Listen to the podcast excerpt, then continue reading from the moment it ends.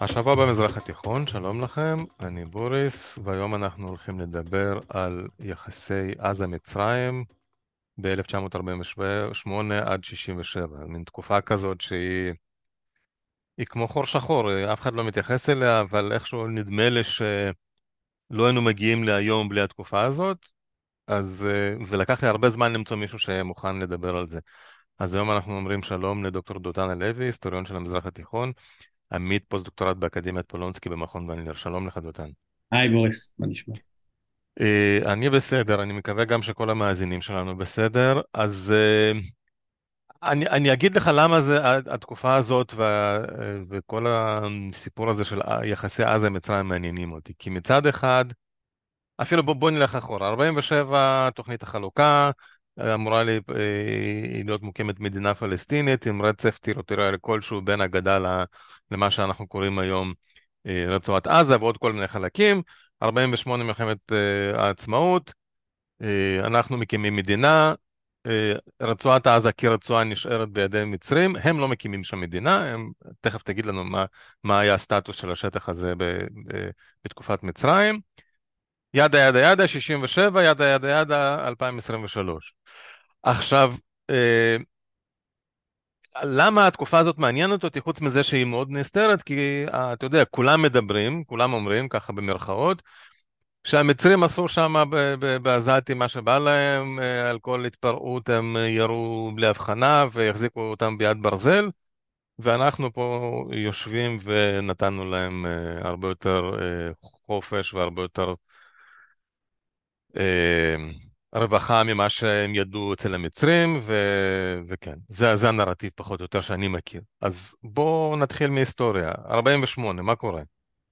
אז כן, אז קודם כל אתה צודק, אני, לפני שנתחיל לעבור כזה ממש שלב שלב, אבל אתה באמת צודק, זו תקופה שהיא במחקר אה, די נשכחת ודי עלומה, בטח גם בפוליטיקה הישראלית שתמיד בנתה את עצמה אחרי 67 בתור איזה קונטרה למה שהיה לפני כן, הסתכלה על התקופה המצרית בצורה מאוד מאוד חד-ממדית, כתקופה שבעיקר הייתה תקופה של אינדוקטרינציה אנטי-ציונית, וכל מה שבא אחר כך צריך איכשהו לשנות את זה, כמובן תקופה של שפל כלכלי, שאחריו באה אינטגרציה כלכלית של ישראל ששיפרה מאוד את המצב ברצועה, אז באמת זה תמיד המבט על השלטון המצרי ברצועה הוא מין מבט נגדי כזה, זאת אומרת מבט אה, נגטיבי. אבל האמת שהיא שהתקופה הזאת היא תקופה שקרו ברצועה הרבה מאוד דברים בין 48 ל-67 אמ, והיא גם לא הייתה אחידה, זאת אומרת היה בה שינויים לאורך הזמן גם בגישה המצרית כלפי הפלסטינים ברצועה, בגישה הפוליטית שלהם כלפי הפלסטינים, הגישה הכלכלית כלפי הרצועה, אז אפשר כאן לתת, לתת בזה קצת סימנים וזה, ו, ואני חושב שאולי החשיבות הכי גדולה זה בעצם לבוא ולהגיד, בעוד שאנחנו בדרך כלל מדברים, זאת אומרת כמו שהצגת בפתיח, ב-48 הנכבה הפלסטינית מייצרת למעשה את רצועת עזה, הגבולות שלה נקבעים על ידי ישראל ומצרים כגבולות שביתת נשק בינואר-פברואר 1949, ולתוך השטח הזה של הסכם שביתת הנשק בעצם נדחקים 200 אלף פליטים פלסטינים.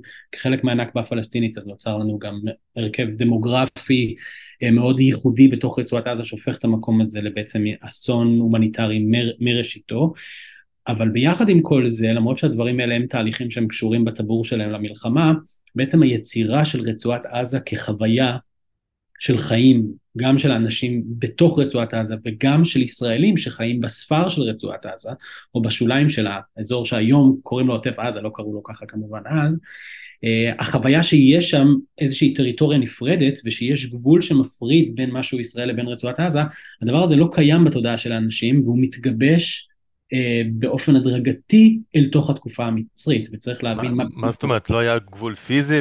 אנשים, מי לא. שרצה יכול היה לעבור? אין גבול פיזי ברצועת עזה, למעשה עד אה, אה, שנות ה-70 אה, תחת השליטה של מדינת ישראל ולאחר מכן גם, גם בשנות ה-70 זאת אומרת לא מדובר על גבול משמעותי פיזי זאת אומרת זה הולך ונעשה יותר ויותר משמעותי ככל שאנחנו מתקרבים מקמפ דיוויד צפונה אל תוך אוסלו אבל ב- בוודאי בוודאי עד 67 אין, אין גבול פיזי וזה אולי נדמה מוזר לחשוב על זה עכשיו, אבל אה, זה לא היה מוזר אז. זאת אומרת, זה לא היה נראה מוזר לאף אחד שאין גבול פיזי, כי אף אחד לא חשב שגבול פיזי ישנה. ואם אתה חושב היום על המרחב של דרום מערב הנגב, אמ, אלה מרחבים אדירים פתוחים בטח אחרי 48 שאנחנו, זאת אומרת אין את כל היישובים שכמובן יש עכשיו שהוקמו בשנות ה-50 וה-60, אין את הדרכים, אה, גם רצועת עזה עצמה לא הייתה מיושבת כמו שהיא, כמו שהיא היום, מדובר על מרחבים עצומים שהגבול מסמן אותו, יש לו סימון בשטח, לפעמים אומרים שזה שרשרת של ג'ריקנים ריקים, לפעמים אומרים שזה מה שמכונה קו התלם, זאת אומרת קו שעברו במחרשה וסימנו את זה ממש על האדמה, אבל זה גבול שיכול להימחק אה, חדשים לבקרים. ו... רוצה לעבור, בהיבט הזה עובר, אסור לו לעבור, אבל הדבר הזה קורה כל הזמן. ומעבר בין מה שאנחנו קוראים היום רצועת עזה למצרים גופה, לחצי סיני, הוא גם, הוא, הוא חופשי דה פקטו או גם דה יורה? זאת אומרת, הם יכולים לעבור, זה מותר להם? לא, אסור להם לעבור. אסור לאוכלוסייה של רצועת עזה תחת השלטון כן. המצרי, כן. נגדיר מה בעצם הסטטוס הפוליטי של המקום הזה, איך המצרים שולטים בו, אבל רק מבחינת תנאי הקרקע, תוואי הקרקע, אין גדר, אבל האנשים צריכים להיות כלואים בפנים, והם לא שומרים על זה. שומרים על זה מאוד מאוד בצד המצרי, המצרים לא נותנים בשום אופן למצרים, לפלסטינים לעבור לתוך גבולות מצרים, גם פליטים פלסטינים מ-48, כמה אלפים שהגיעו לקהיר ולמקומות אחרים, תוך כדי המלחמה המצרים מעבירים אותם קודם כל למחנה בקנטרה, ואחרי ה, אמ, בעצם הקריסה של שיחות אה, השלום בלוזאן בסוף שנת 49, ובעצם שהדבר הזה, היצור הזמני הזה שנקרא רצועת עזה מתקבע והופך להיות ממשהו זמני למשהו קבוע, המצרים למעשה מעבירים את כל האוכלוסייה הזאת ומכניסים אותה לתוך רצועת עזה. זאת אומרת חוסר הרצון של מצרים כמדינה לקבל אה, אנשים פלסטינים הוא לא חדש. אז אה, פה אתה לגמרי און פוינט. זאת אומרת צריך להבין את זה, אנחנו נמצאים פה בעיצומה של המלחמה שבה זה נדמה לפעמים בישראל כאילו שהאופציה המצרית הזאת של פליטים שיגיעו לסיני או למצרים עומדת על השולחן, זאת הייתה עמדה מצרית קבועה מ-48 ואילך, פליטים פלסטינים לא נכנסים לתוך שטח מצרים. עכשיו, כשלבנון עושה את זה, אפשר אה, לתרץ את זה לפחות בכך שלבנון מדינה קטנה עם אה, מאזן מאוד עדין של אוכלוסיות, אז היא לא רוצה לשבש את המאזן הדמוגרפי העדין שיש. מצרים היא מדינה ענקית, גם בשטח וגם באוכלוסייה, הרבה יותר אחידה והרבה יותר קרובה לאוכלוסייה הפלסטינית. מה בעצם, חוץ מהטענה אה, שאני אה, רואה בה טענה מאוד אה, נכונה, שזה היה מנוף לחץ על ישראל, אבל יש גם טענה יותר עניינית, אה, לפחות בתיאוריה, שאומרת למה הם לא רוצים את, ה, את האנשים האלה? אז קודם כל הדבר, הדבר הזה, זאת אומרת, אני... אה, לי יותר נוח להסתכל היסטורית ובקונטקסט היסטורי על כל שלב למה המצרים ימנעו דבר כזה, מאשר לחשוב על זה כאיזושהי אידיאולוגיה שהיא חוצת עידנים. אז אם אנחנו מדברים על מיד אחרי 48, אז המצרים למעשה למעשה מה שקורה עם אוכלוסיית הפליטים ברצועת עזה זה שזאת אוכלוסייה שתוך כדי המלחמה למעשה נמלטת ומגורשת מה, תחת הכיבושים של, של, של, של בהתחלה הגופים הצבאיים השונים בתוך היהודים בתוך המלחמה ולאחר מכן מה שהופך להיות צה"ל. הם, הם נדחקים ביחד עם הצבא המצרי, הרי הצבא המצרי כובש חלקים גדולים, זאת אומרת ממישור החוף עד אשדוד, בתוך הנגב עד באר שבע, וכשצה"ל במבצעים אה, יואב ולאחר, ולאחר מכן חורב בשנת 48, אה, בסוף שנת 48 דוחקים את הצבא המצרי, אז ביחד איתם נדחקים הפליטים. והפליטים נדחקים למקום ש... הוא המק... הוא, הוא, הוא, זאת הרצועה שאליה הצבא המצרי כולו נדחק ומתרכזים למעשה שם.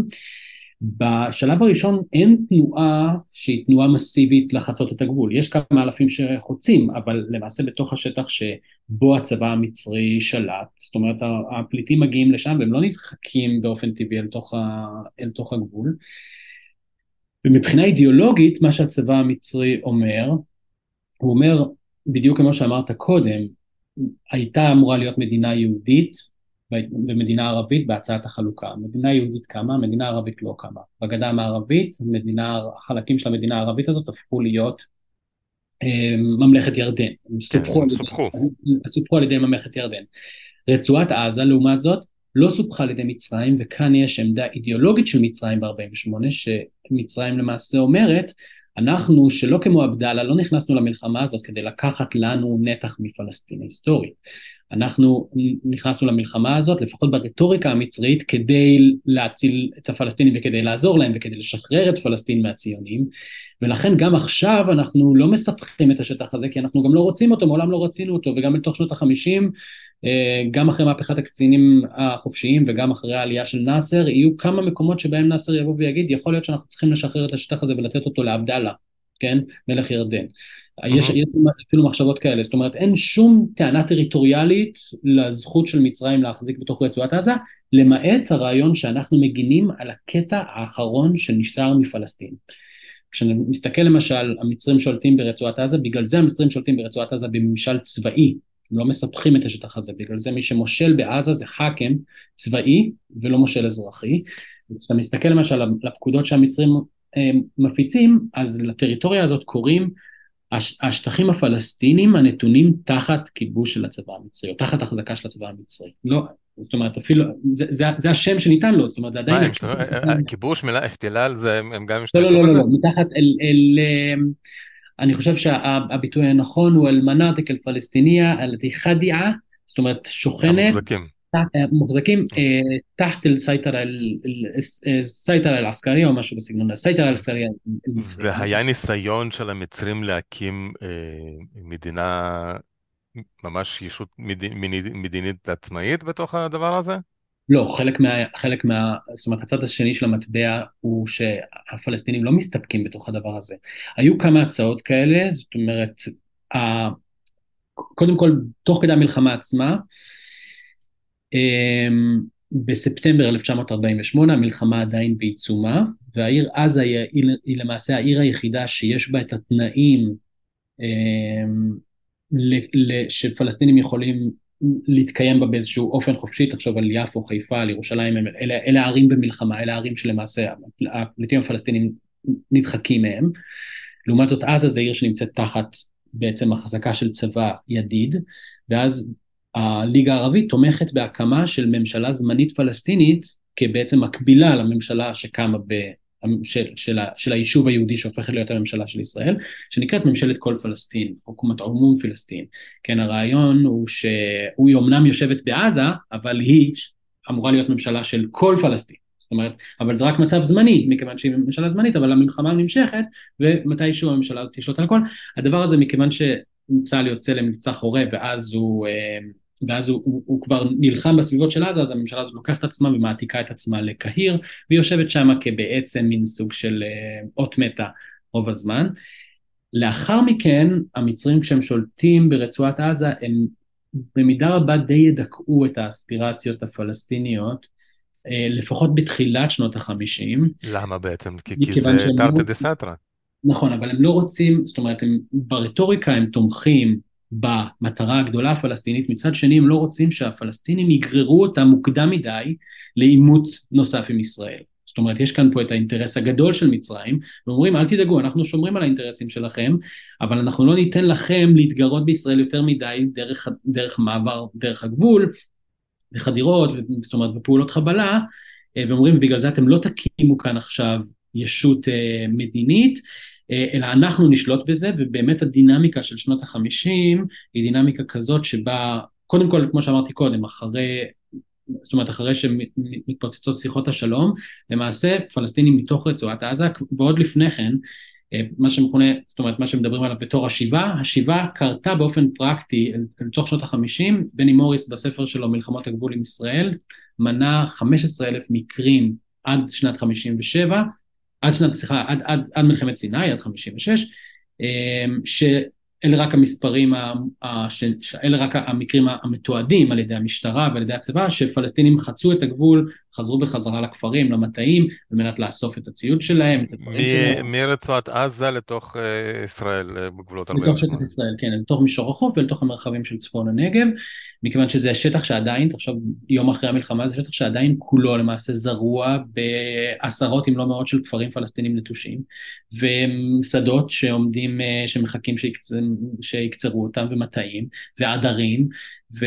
ו, ו מטלטלים אישיים ודברים שאנשים השאירו בבתים שלהם. למעשה אנשים חוזרים בין אם לקחת את הדברים שלהם, בין אם לחזור בחזרה לשדות שלהם, בין אם לנסות ליישב בחזרה את הכפרים, ובין היתר גם אה, ובין היתר גם לעשות פעולות חבלה וגם לרגל וגם להבריח וגם להבריח בין רצועת עזה לבין הגדה המערבית וישראל הפרויקט, הפרויקט המרכזי שלה מבחינה צבאית אחרי 48 זה בדיוק הדבר הזה זה מניעת השיבה מניעת השיבה הפלסטינית ובגלל זה אני אומר שהגבולות נצרפים כחוויה דרך ההתנגשות האלימה על הגבולות. זאת אומרת וזו תקופה עם המון המון הרוגים. זאת אומרת עד 56, אמ, מספרים שנעים בין דיווחים ישראלים על בערך 2,500 הרוגים פלסטינים למספרים פלסטינים של 5,000 הרוגים פלסטינים בשנים האלה של התנגשויות של פלסטינים על הגדרות, לא על הגדרות, זאת אומרת על הגדרות הלא קיימות, אבל הגבולות, כן, על הגבול. של רצועת עזה. והיו גם התנגשויות בין הפלסטינים למצרים? כן, אז אחד הדברים... על איזה רקע שם? אז uh, בעצם נוצר, נוצרת תסיסה פנימית פלסטינית שאומרת רגע רגע אתם דואגים לאינטרסים שלנו או שאתם דואגים לאינטרסים שלכם או לאינטרסים של ישראל. אמ, והדבר הזה קורה ככל שבעצם אפשר לשרטט מין איזשהו גרף של אסקלציה מתחילת שנות החמישים אל תוך מה שיהיה הקריסה הגדולה שזה יהיה במלחמת אה, סיני ב-56 כי בעצם למלחמת סיני יש את הסעיף שבה, שלה שבה ישראל כובשת את רצועת עזה. האסקלציה הזאת מתגברת בכמה פיקים, אבל הראשון שביניהם הוא בשנת 53, שישראל מקימה את יחידת המאה ואחד, יחידת המאה ואחד, זאת אומרת כל המהות שלה זה בעצם פעולות תגמול שחוצות גבול, ואז רצועת עזה היא המעבדה של יחידת מאה ואחד לפעולות האלה, ובעצם בכמה פיקים, פעולה אחת שהיא פעולת, אה, אה, פעולה בשנת 53, במחנה פליטים אל-בורג' ולאחר מכן הפעולה המפורסמת בפברואר 1955 פעולת עזה וגם, וגם, יש, וגם לפני כן אה, הדברים, הדינמיקה הזאת הולכת ונעשה יותר ויותר אלימה, היא מגיעה למצב שבסופו של דבר המצרים אה, יבואו ויגידו, אתם יודעים מה, זאת אומרת המצרים נכנסים לתוך הסיפור הזה גם כי פעולות התגמול גם פוגעות למעשה ב, ב, ב, פסיליטיז צבאיים מצריים וכמובן בחיילים מצריים ביחד עם אזרחים פלסטינים. גם יוקרה בטח. וכמובן שזה פוגע ביוקרה המצרית ובסופו של דבר מה, שה- מה שהמצרים יעשו זה ייקחו חסות על למעשה הפעילות הגרילה הפלסטינית ויקימו את מה שמכונה היחידת הפדאיון, כן? זאת אומרת אנחנו מכירים את השם פדאיון משם והלאה כשם כללי בעצם לפעולות גרילה פלסטיניות שגם נמשכות לאחר מכן, אחרי 67 למעשה הפדאיון זאת יחידה שהוקמה על ידי מי שעמד בראש המוחבראת המצרי ב... בתוך רצועת עזה, קולונל מוסטפא חאפז, והוא מקים את היחידה הזאת בעצם לבוא ולהגיד אנחנו מי שינהל עכשיו את פעילות הגרילה הפלסטינית זאת תהיה, זאת תהיה, זאת תהיה מצרים ובעצם הדבר הזה כבר לוקח את המדרון אל תוך uh, מלחמת סיני.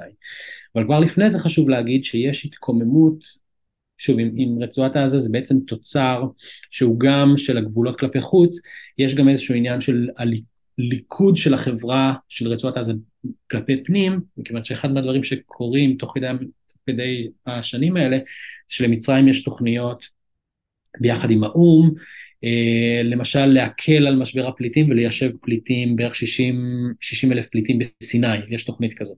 אוקיי, okay, מעניין. אמ, ו...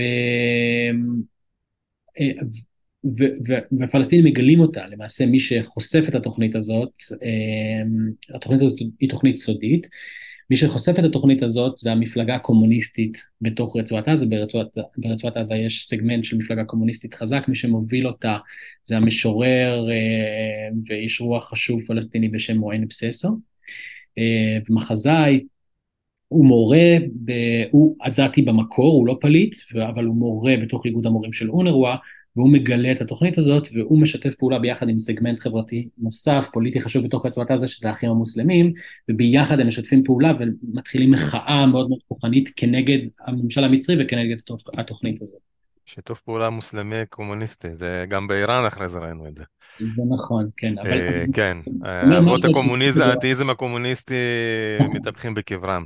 אבל תגיד לי, למה בעצם? כי זה, כי זה מה? כי זה עכשיו מנציח את, את מש, כאילו, השלמה עם קיום מדינת ישראל, ולמה בעצם, מה, מה, מה מפריע להם פתרון של אכלוס של 60 אלף פליטים ביישובי קבע?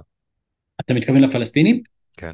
בתוך המציאות של אחריו, זאת אומרת, יכול להיות שאנחנו מדברים עם מציאות של כמה עשרות שנים, זה נראה לנו, זאת אומרת, זה נראה לנו הגיוני, אבל עבור הפליטים הפלסטינים בטווח זמן של שנה, שנתיים, שלוש, ארבע, מ-48, מצב החיים במחנות הפליטים היא, היא לחלוטין נתפסת כמצב זמני.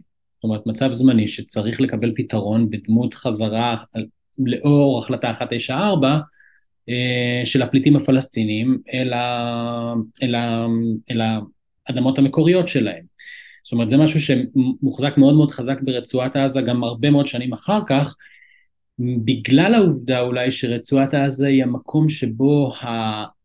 בעצם הדחיסות והריכוז של, ה, של בעיית הפליטים הפלסטינים היא, היא, היא הכי עוצמתית אל מול כל הגולה הפלסטינית. דיברת קודם על לבנון, לבנון מגיעים פליטים פלסטינים, מצבם. מצבם גרוע, אבל הם אוכלוסיית מיעוט בתוך אוכלוסיית רוב לבנונית, כנ"ל בכל האתרים האחרים של הגולה הפלסטינית. מה, ירדן? מה זה? כמובן, בוודאי בירדן ובגדה המערבית, זאת אומרת אוכלוסיית הפליטים מגיעה והיא נטמעת זאת אומרת, היא לא נטמעת מבחינה חברתית, כי היא חיה במחנות פליטים והסטטוס החברתי שלה הוא אחר, אבל מבחינה מספרית היא, היא, היא, היא נטמעת בתוך אוכלוסייה כללית ילידית. לעומת זאת, עזה זה המקום היחיד שבו, קודם כל, לא הייתה טריטוריה כזאת מלפני כן, היא לא שייכת לאף מדינה, ואוכלוסיית הפליטים היא גדולה לאין שיעור מהאוכלוסייה המקורית. ברצועת עזה הגיעו בין 200 ל-250 אלף פליטים אל תוך אוכלוסייה מקורית שהיא בין 60 ל-70 אלף איש. זאת אומרת, אז בעצם המציאות של רצועת עזה היא מציאות שהיא כולה מציאות, כולה מציאות של חוויית הפליטות. ולכן בוודאי בשנות החמישים אף אחד לא רואה את זה ברצועת עזה, לא התושבים המקוריים של רצועת עזה ולא הפליטים עצמם רואים את המצב הזה כמצב קבוע, הם לגמרי משוכנעים ש, שהדבר הזה הולך להיפתר. גם, שוב, אתה יודע מה מפתיע אותי בסיפור הזה, זה ש... כמות כזאת אדירה של פליטים שמגיעה למקום אה, כזה קטן, זה כמו, אתה יודע, כמו כור היתוך. אה, אני ציפיתי, זאת אומרת, חשבתי שזה יכול היה, או התוצאה של זה תהיה בהכרח שבירה של מבנה חמולתי, ואני מבין שזה לא ככה, שגם עד היום עזה מתנהלת בחמולות, לפי החמולות המקוריות, או חמולות חדשות שצר, ש, שהתפתחו שם, אבל זה עדיין לא, זה לא הפך את, את, את השטח של רצועת עזה של היום לחברה אינדיבידואליסטית. אה. יש, זה, זה מאוד מעניין מה שאתה אומר, כי יש משהו בתוך אה, ה, ה, ה, בעצם המבנה החברתי של רצועת עזה שיצר, אה, שיצר משהו ייחודי, מכיוון ש... קרו בעצם שני דברים, אנשים שבאו ממרחבים מאוד מאוד גדולים, ויכלו לבוא גם ממרחבים גדולים ומאוד שונים, מי שהגיע מיפו, מסביבה עירונית, כן, עכשיו היה צריך לגור רחוב מול רחוב עם מישהו שבא מכפר כמו בית דג'אן, או כפר כמו בורר, או דיר סניד, זאת אומרת מקומות אה, שהם הרבה יותר היו בתקופת המנדט הרבה יותר פריפריאליים, ועכשיו האנשים האלה חיים מצד אחד, רחוב ליד רחוב, בתוך מחנה כן, בדיוק על זה אני מדבר. מצד שני, האנשים האלה שומרים זהות, או לפחות בדור הראשון והשני, שמרו על זהות מאוד אינדיבידואלית כדי לבוא ולהגיד, רגע, אבל אני באתי מיפו, אז אני, יש לי אופי אחר, אני, כן, אני, זאת אומרת, מבין בדברים מסוימים, אני מבין במסחר ואני עירוני ואני משכיל, לעומת אתה שאתה כפרי, ו... זאת אומרת, אז, אז נוצר כאן מציאות כזאת שבה תנאי החיים עצמם הם תנאי חיים שהם די אחידים לכולם, זאת אומרת, כולם איבדו את הנכסים שלהם, אה, וכולם עכשיו אה, מיישבים מחנות פליטים, ומצד שני הזהות לגבי המקור של כל אחד היא זהות, אה, היא זהות, היא זהות שונה.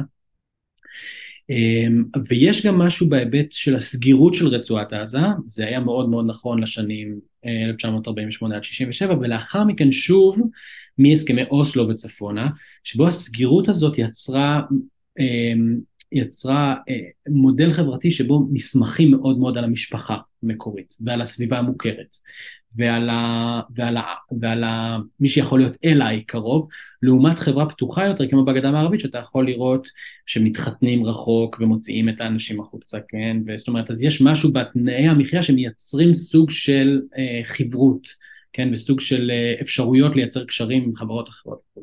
זאת אומרת, העובדה שכינסנו, אה, התכנסו המון אנשים מרקעים שונים בתא שטח קטן, אבל מבודד, העובדה שזה מבודד דווקא מכריח אותם לשמור על... אה, נכון. לשמור, זאת אומרת, לשמור, זה, זה, זה, זו תובנה ש... זאת אומרת, היא לא תובנה מקורית שלי, ומי שכתבה עליה זאת אה, אה, מדענית מדינה מהרווארד שקוראים לה סרה רוי, שעבדה הרבה מאוד, מאוד, הרבה מאוד שנים על עזה, והיא ראתה את הדברים האלה כשהיא מטיילת בעזה בשנות התשעים, כן?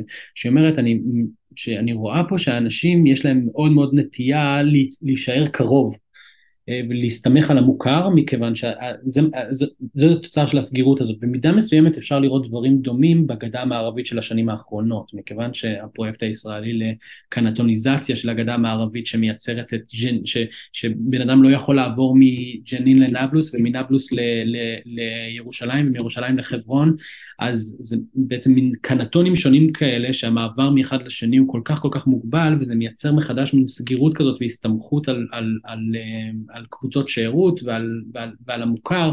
לא, אבל פה אתה מדבר על גבולות אה, קושי במעבר, פה אתה מדבר יותר על אה, סגרגציה שהיא אינהרנטית כמו במודל הסגרגציה של שיילינג, אה, שהיא קורית מעצמה בעצם. אז לא, אז הסגרגציה לא בגדה המערבית ולא ברצועת עזה קרתה מעצמה, אלא היא תוצר של כפייה חיצונית, אבל הכפייה החיצונית הזאת מייצרת איזשהו צורך חברתי הסתגלותי לאיך שזה עובד. עכשיו תגיד לי, עוד טענה שהיא רווחת היא שהעזתים הם בעצם מצרים. זאת אומרת, עכשיו, אנחנו מדברים על זה שרוב האוכלוסיית רצועת עזה היא פליטים שהם הגיעו צפונה ממצרים, כן, עד יפו, כאילו מיפו וזה. האוכלוסייה המקורית של, אה, של רצועת עזה, היא באמת, זה אותו עם כמו העם שיושב בתוך סיני? אני לא חושב שיש לזה שחר לטענה הזאת. אולי, אולי האוכלוסייה היחידה שאפשר לדבר עליה שיש לה, זאת אומרת, שה, שהקשר הזה הוא קשר מהותי, אה, זו האוכלוסייה הנוודית, כן, האוכלוסייה הבדואית, אה, שהיא באופן היסטורי, עזה הייתה עיר ש... אה, גם, מה, גם מהתקופה העות'מאנית וגם לתוך תקופת המנדט, אז הייתה עיר שגם שימשה מרכז למסחר ולתרבות אה, של, של הבדואים של, של הנגב, שחלק מהמטות האלה הם מטות שגם מתפשטים פנימה לתוך סיני כמובן, כן, העזזמה, תראבין, כן, זה מטות שהם מטות גדולים וחלקים, יש להם סעיפים שנמצאים גם כמובן אה, מעבר לגבול וגם חוצים את הגבול. אז זה דבר נכון. עכשיו באופן היסטורי כמובן שהיו אנשים ברצועת עזה שהם היו אזהרים, כן, היו אנשים שזאת אומרת למדו באזהר והיו, זאת אומרת, והיו קשרי משפחה, אבל האוכלוסייה, זאת אומרת, האוכלוסייה העירונית של מקומות כמו אה, אה, ח'אן יונס, רפיח ורצועת עזה, זאת אומרת, יכול להיות שיש השפעה תרבותית מצרית, אבל זאת אומרת, האוכלוסייה הזאת היא לא מצרית, צריך לזכור שבין מצרים גופה, כן, יש, גופה זה, מדבר קטן. מילוס, כן, ובין, אה, בדיוק, ובין עזה יש מדבר קטן שמפריד שהמאפיינים החברתיים שלו והפוליטיים שלו הם מאוד מאוד שונים. אה, דרך אגב, אה, למאזינים שרוצים לשמוע עוד קצת על היסטוריה של עזה, עזה הייתה עיר מאוד חשובה, אז נכון. הקלטנו פרק לפני כמה חודשים, פרופסור יובל בן בסט, על אה, העיר עזה בתקופה העות'מאנית. היה פרק מעניין. מצוין. עכשיו, בואו לקראת הסוף, עד כמה שאתה יודע, חיי יום-יום של עזה תחת שלטון מצרי. זאת אומרת, כסף זה כסף מצרי, משטרה משטרה מצרית, או שיש דברים מקומיים שם? אז קודם כל כן, המצרים למעשה בשנת 51 מחליפים את המטבע ללירה מצרית, הוא היה לפני... ממה? המירה... לירה ארץ ישראלית שהייתה המטבע בתקופת המנדט. האמת היא שזה מעניין כי זה זה, זה הפך, זה הפך, זאת אומרת כשהבריטים כובשים את הארץ אז יש שלל מטבעות אבל מטבעות עות'מאנים אבל גם מטבעות אחרים בתוך הסירקולציה. מחליפים את זה ללירה מצרית הפאונד כי הבריטים זאת אומרת מגיעים למעשה עם כיבוש מצרי. בשנת 27 הם מחליפים את הלירה ללירה פלסטינית או לירה ארץ ישראלית ואז עם הכיבוש המצרי זה למעשה מתחלף מחדש שוב לגינאה המצרי. אמ, ו, וה, וה, והמשטרה היא משטרה מצרית, זאת אומרת המצרים משלבים אל תוך האדמיניסטרציה הפלסטינים רק ברמה מסוימת, זאת אומרת יש אה, מעין כמו משמר גבול כזה שהם משתלבים לתוכו אמ, ויש בהיבט של חיי יומיום המקום של הפלסטינים בתוך המינהל אז זה הולך ומתגבר אה, דווקא במחצית השנייה של התקופה הזאת, התקופה הזאת אפשר לחלק אותה עד 56 בעצם עד מלחמת סיני, ישראל כובשת את רצועת עזה לארבעה חודשים תוך כדי מלחמת סיני, נסוגה מרצועת עזה, ואז מתחילה עוד תקופה של עשור, מ-57 ועד 67, שבה בעצם זו תקופה קצת שונה. בתקופה הזאת יש שחרור הדרגתי של uh, חירויות עבור, עבור הפלסטינים בתוך רצועת עזה, קודם כל מוקמת uh, מועצה מחוקקת ולאחר מכן מוקמת גם מועצה אקזקוטיבית, זאת אומרת מעין ממשלה שהיא פועלת על שפועלת דרך הייצוג של הנציגים המוניציפליים של, ה, של עשר רשויות בתוך רצועת עזה, אז זה הולך ומשתחרר, וגם מה שהיה לפני כן הפדאיון, משתלבים למעשה לתוך המינהל המצרי והופכים בעצמם להיות אלה ששומרים שלא יהיו פדאיון מסוג חדש.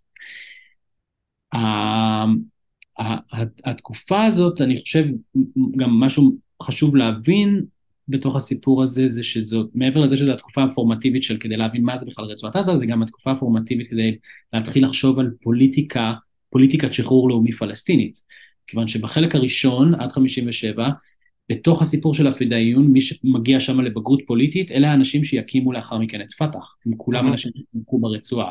יאסר ערפאת בקשר קצת יותר, יאסר ערפאת גדל בתור ילד בקהיר, אבל המשפחה שלו היא מח'אן יונס, הוא, הוא גם מבלה איזושהי תקופה בתוך רצועת עזה, סליחה, בסביבה של עזה בתוך תקופת המנדט, אמ, אבל אנשים כמו אבו ג'יהאד, אבו איאד, אה, סלאח חלף, אמ, כמאל עדואן, זאת אומרת כל הגווארדיה שלאחר מכן אה, בשנת 59 תקים את פת"ח, את הגרעין של פת"ח בכווית, הם כולם למעשה הגיבוש שלהם נעשה בין אם ברצועה ובין אם באיגוד הסטודנטים הפלסטינים בקהיר, מכיוון שסטודנטים פלסטינים יכלו לצאת ללמוד בקהיר. Oh, okay.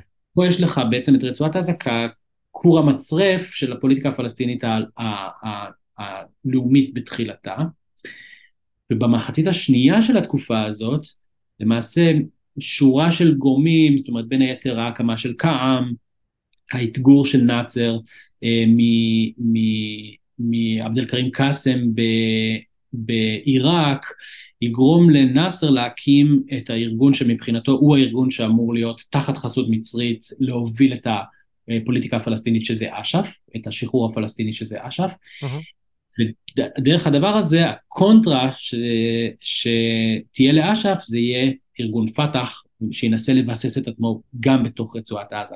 זאת אומרת, אז יש לך בתוך התקופה הארוכה הזאת גם את ה, בעצם את, את, את, את הצמיחה של, של, של המאבק הפלסטיני לשחרור לאומי בגלגול הראשון שלו. כמובן שכשאנחנו עוברים אחר כך ל-67 והלאה, אז הגלגול השני, שזה הגלגול של חמאס, ג'יהאד איסלאמי, אז גם הוא התפתח מתוך רצועת עזה. אז יש לנו פה, זאת אומרת, רצועת עזה נמצאת פה בתפקיד מאוד מאוד משמעותי ומאוד חשוב.